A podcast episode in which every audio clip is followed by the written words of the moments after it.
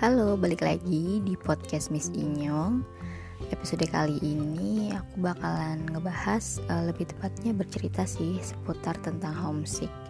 Dan buat kalian yang pertama kali dengerin podcast ini, podcast Miss Inyong ini berisi tentang cerita random dari Inyong yang bukan siapa-siapa untuk kalian entah siapa pun.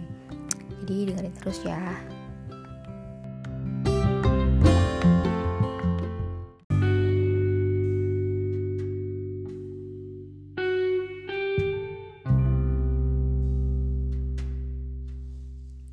Oke, okay, jadi um, episode kali ini aku bakal cerita tentang pengalaman aku sih lebih tepatnya tentang homesick yang sudah pernah aku rasakan. Jadi homesick itu kayak perasaan um, rindu, rindu, kangen gitu ya, kangen sama rumah. Terus kayak misalkan kita udah lama nggak pulang ke rumah, yang mungkin kondisinya kita harus uh, keluar kota atau mungkin sekolah di luar kota atau di luar daerah yang mengharuskan kita terpisah dengan rumah. Dan itu tuh kayak ada rasa bener-bener kangen dan pengen pulang gitu.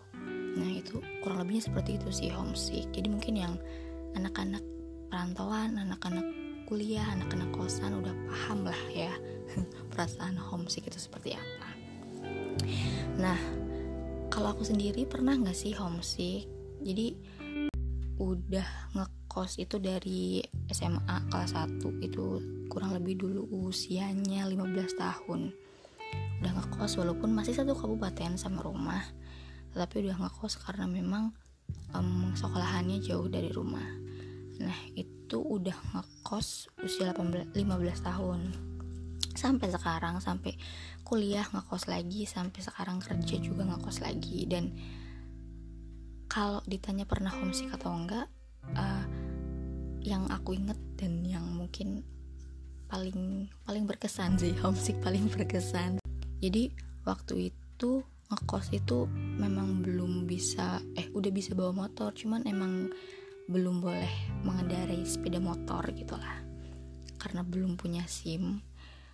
Jadi benar-benar pulang pergi seminggu sekali itu naik kendaraan umum. Dan itu membuat aku tuh kayak bener-bener susah buat mobilitas ke mana-mana tuh susah. Jadi pulang sekolah ya udah di kosan berangkat pagi pulang siang sampai malam lagi pagi lagi gitulah.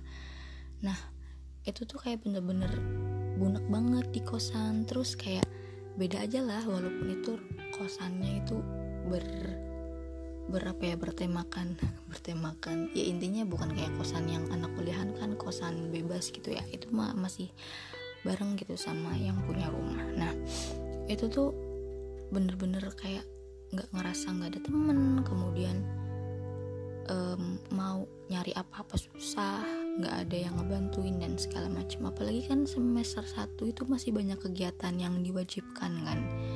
Nah itu tuh bingung gitu mau minta tolong sama siapa. Sedangkan temen deket kan semester 1 lah ya masih apalagi aku susah banget nyari temen. Jadi masih jarang gitu.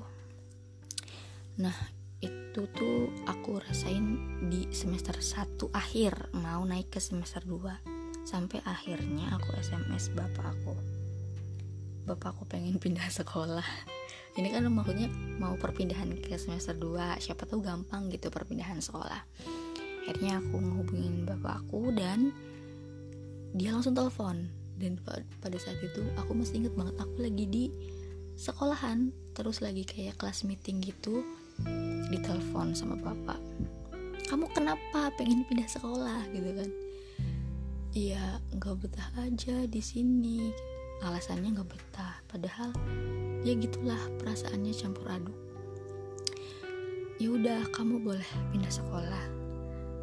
Cuma syaratnya kamu harus nunggu sampai ada motor lewat kamu tuh harus nunggu sampai semester 2 selesai. Jadi aku boleh pindah sekolah cuma nanti kenaikan kelas 2 gitu. Dan itu itu masih jauh banget. Hmm, satu semester itu kan 6 bulan. 6 bulan itu bagi orang yang lagi homesick homesicknya itu kan kayak aduh lama banget gitu. Tapi aku iyain soalnya kalau nggak diiyain ya berarti aku nggak akan bisa pindah gitu kan yaudah akhirnya iya ya udah kata bapak udah pokoknya kamu sabar. Tunggu enam bulan. Disabarin dulu aja dicoba. Setelah enam bulan gak ada perubahan oke okay, boleh pindah gitu. Akhirnya dengan kekuatan kesabaran dan doa orang tua pastinya enam bulan itu terlewati. Singkat cerita aja sih ternyata selama enam bulan itu bener mungkin aku juga heran sih kenapa bapak ngasih waktunya 6 bulan. Mungkin itu adalah dia ngerti kali ya. Jadi aku tuh gampang berbaurnya mungkin setelah aku deket sama orang setahun gitu kan.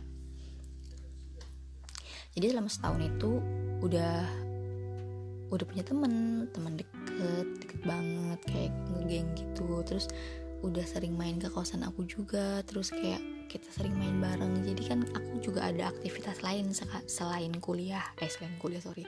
Selain sekolah gitu kan. Terus ya udah akhirnya justru enam selama enam bulan itu bukannya aku nambah pengen cepet pindah tapi malah oh oh ternyata enam bulan itu tuh kayak gini ya. Kayak bener kata bapak aku aku harus sabar. Ya emang kayak gitu. Dan akhirnya punya temen terus ada kegiatan lain dan mulai beradaptasi. Kayak misalkan harus nyari makan sendiri cuci baju sendiri nyetrika ah segalanya yang yang buat diri aku sendiri. Itu tuh harus diadaptasiin emang. Walaupun emang sebelumnya aku juga nggak semanja itu gitu. Ya emang udah biasa sendiri cuman ini bener-bener sendiri gitu ngurusin semuanya. Setahun itu udah mulai bisa beradaptasi dan ternyata bener akhir semester 2 nggak jadi pindah gitu ya. Ya udah emang di situ dan nggak ngerasain lagi yang pengen pulang banget gitu karena ada sesuatu hal ya enggak udah nggak pernah ngerasain itu. Mungkin dan itu bisa jadi homesick pertama dan terakhir aku sebagai anak kosan sebagai anak perantauan gitu.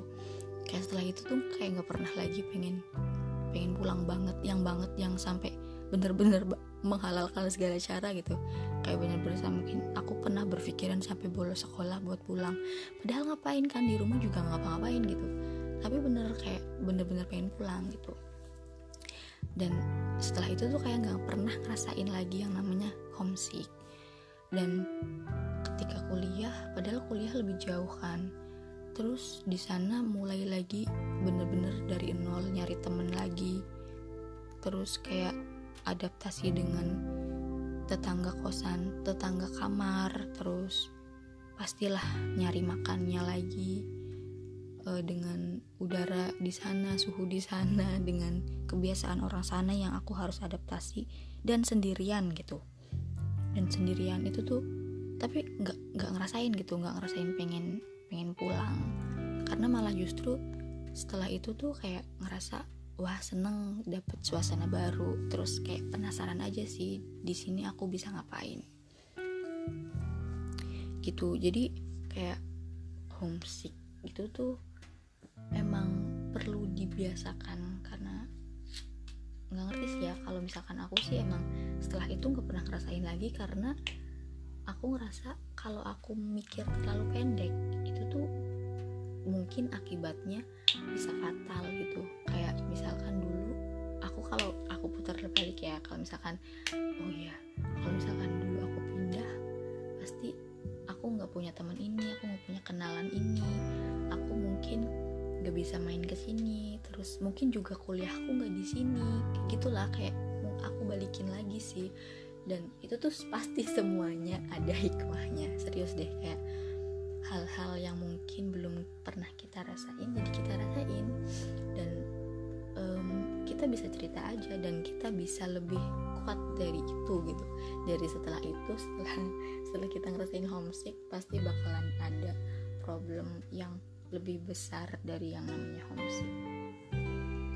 Nah buat kalian nih yang hmm, mungkin anak kuliahan atau mungkin anak sekolah juga sekarang udah banyak yang ngekos atau mungkin oh asrama ya apa pondok pesan pondok pesantren bener ya. Pondok pesantren gitu. Terus kalau pondok pesantren ada juga temenku yang mondok itu tuh kasihan sih. Aku sih ngeliatnya kasihan cuma ya akhirnya dia juga bisa menerima gitu. Karena pasti semuanya tuh di awal.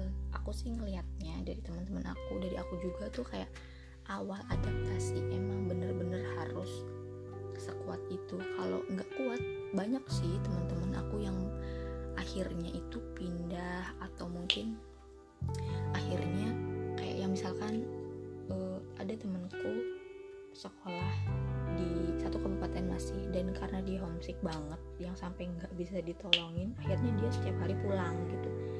Dan dia naik bawa kendaraan sendiri. Padahal ya, ya dia dia punya kosan gitu.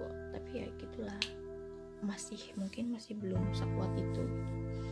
nah jadi buat kalian nih ya yang gimana sih mungkin udah pernah ngerasain homesick atau mungkin lagi ngerasain homesick atau mungkin akan belum belum pernah belum pernah tapi akan suatu saat pasti akan pernah ya alamin homesick kalau mungkin nanti kamu bakalan ngekos ataupun um, pokoknya pindah dari rumah kamu nah homesick itu kan pasti kamu merindukan sesuatu yang ada di rumah dan di tempat baru kamu tuh nggak ada.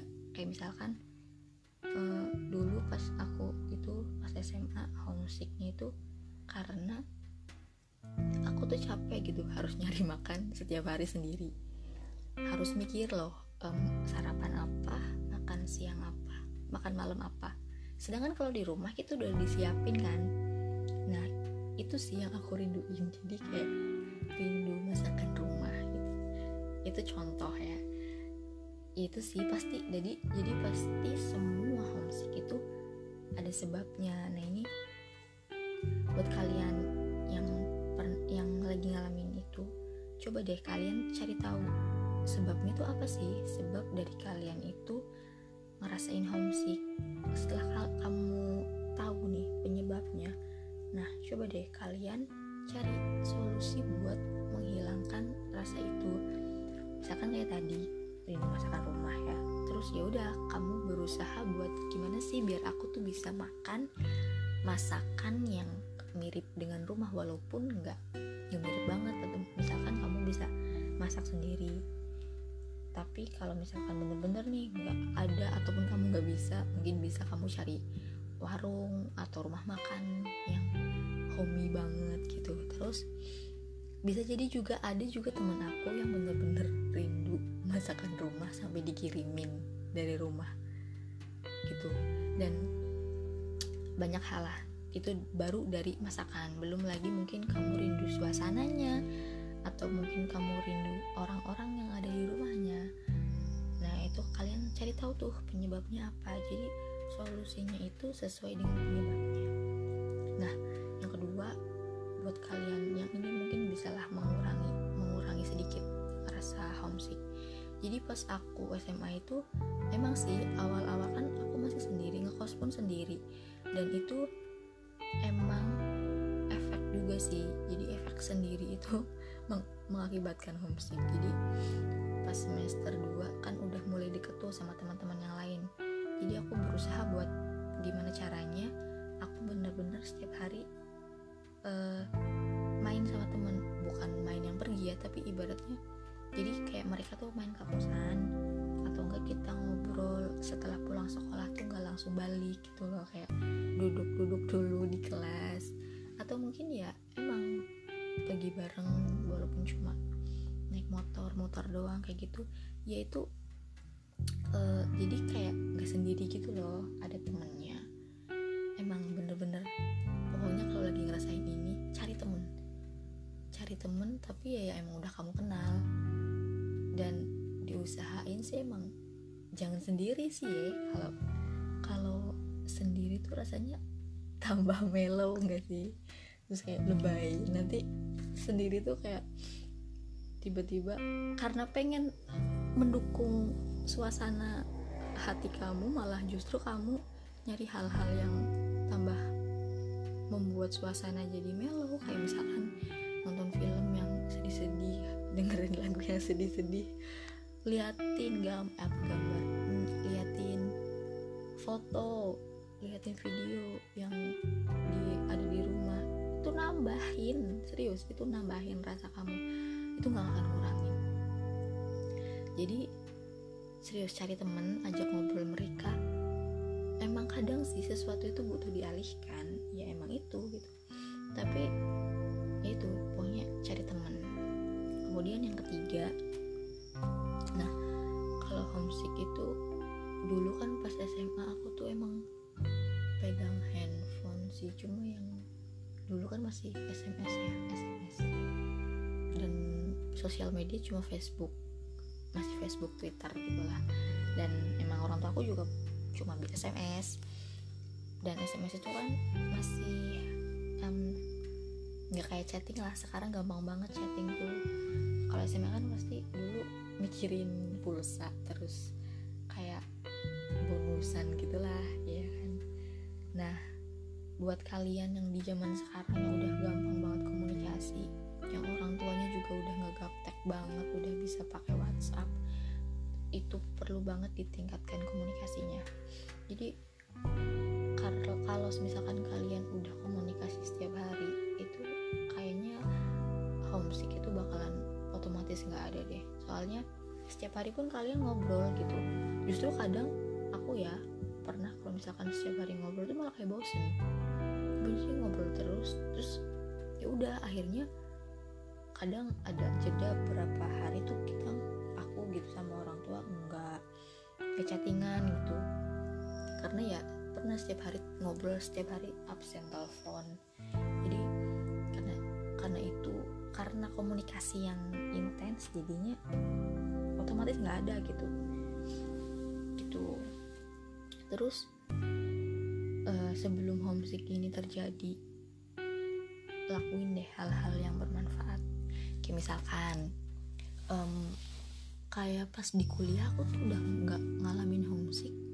Karena karena mungkin udah pernah juga ya jadi aku tahu gitu cara mengatasinya. Terus lakuin hal-hal yang bermanfaat kadang itu homesick itu terjadi kalau kalian itu emang gak ada kerjaan. Jadi ya aduh gak ada kerjaan lagi nih. Duh kayaknya kalau di rumah biasanya aku lagi main sama adik atau mungkin aku lagi ngobrol sama orang tua atau aku lagi pergi sama kakak gitulah. Itu pasti kalian ngebayang ngebayangin hal-hal yang kayak gitu. Jadinya kan jadinya ya udah kerasa lagi gitu. Jadi mendingan kalau misalkan kamu punya waktu luang emang waktu luang yang udah terjadwal kayak misalkan oh pagi sampai siang kalian kuliah. Berarti kan sore sampai malam nggak ada kegiatan tuh.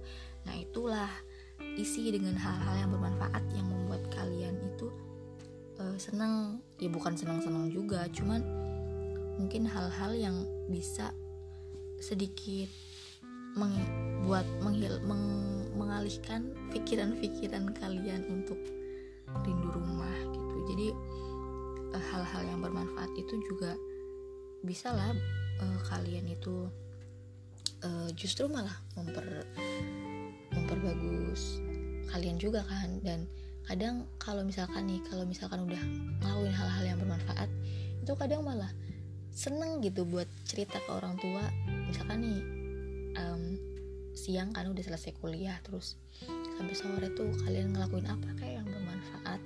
Pasti misalkan kalau malam kalian telepon seneng kan ada hal yang dibahas. Misalkan tadi aku abis uh, pergi misalkan aku habis ngeliat ngeliat acara ini atau mungkin aku habis kumpul komunitas pecinta semut gitu misalkan.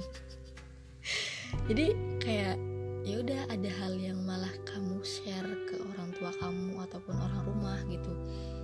Justru kar kalau mereka kalau orang aku sih ngelihatnya sejauh ini ya kalau misalkan orang tua aku aku ceritain tentang kegiatan aku yang kegiatan aku belum pernah lakuin itu tuh mereka seneng dan mereka malah kayak nanya balik itu tuh gimana? Terus uh, ketemu sama siapa aja terus bayar. Nggak kayak gitu-gitu malah mereka juga ikut tertarik gitu dan mereka juga tambah uh, wawasan baru mungkin dari kegiatan yang kamu lakukan.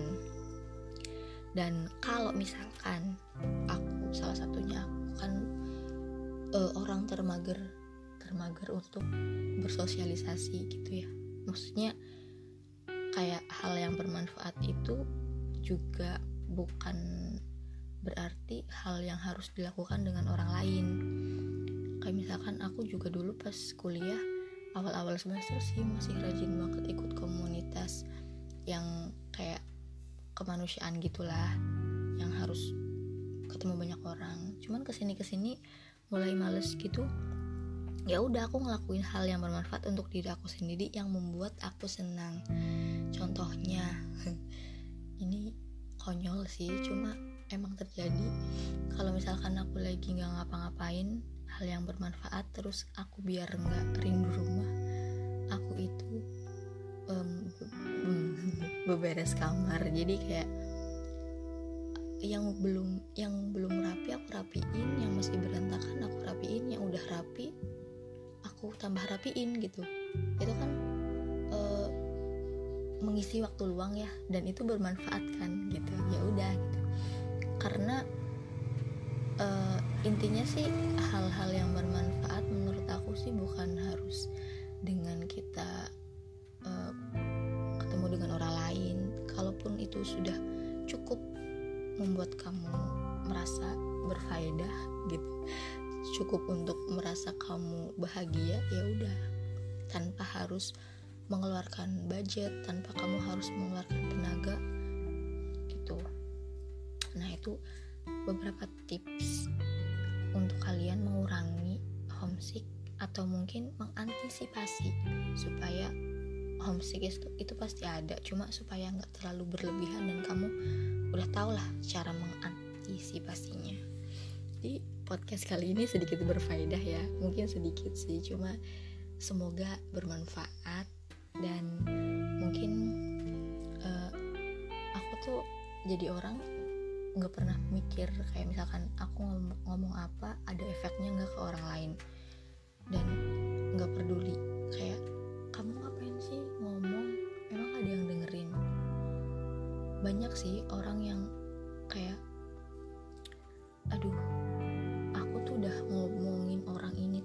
berkali-kali. Kayak misalkan dia itu guru aja lah ya guru. Contohnya guru. Aku tuh udah ngomong ke murid kelas aku bahwa ini bla bla bla tapi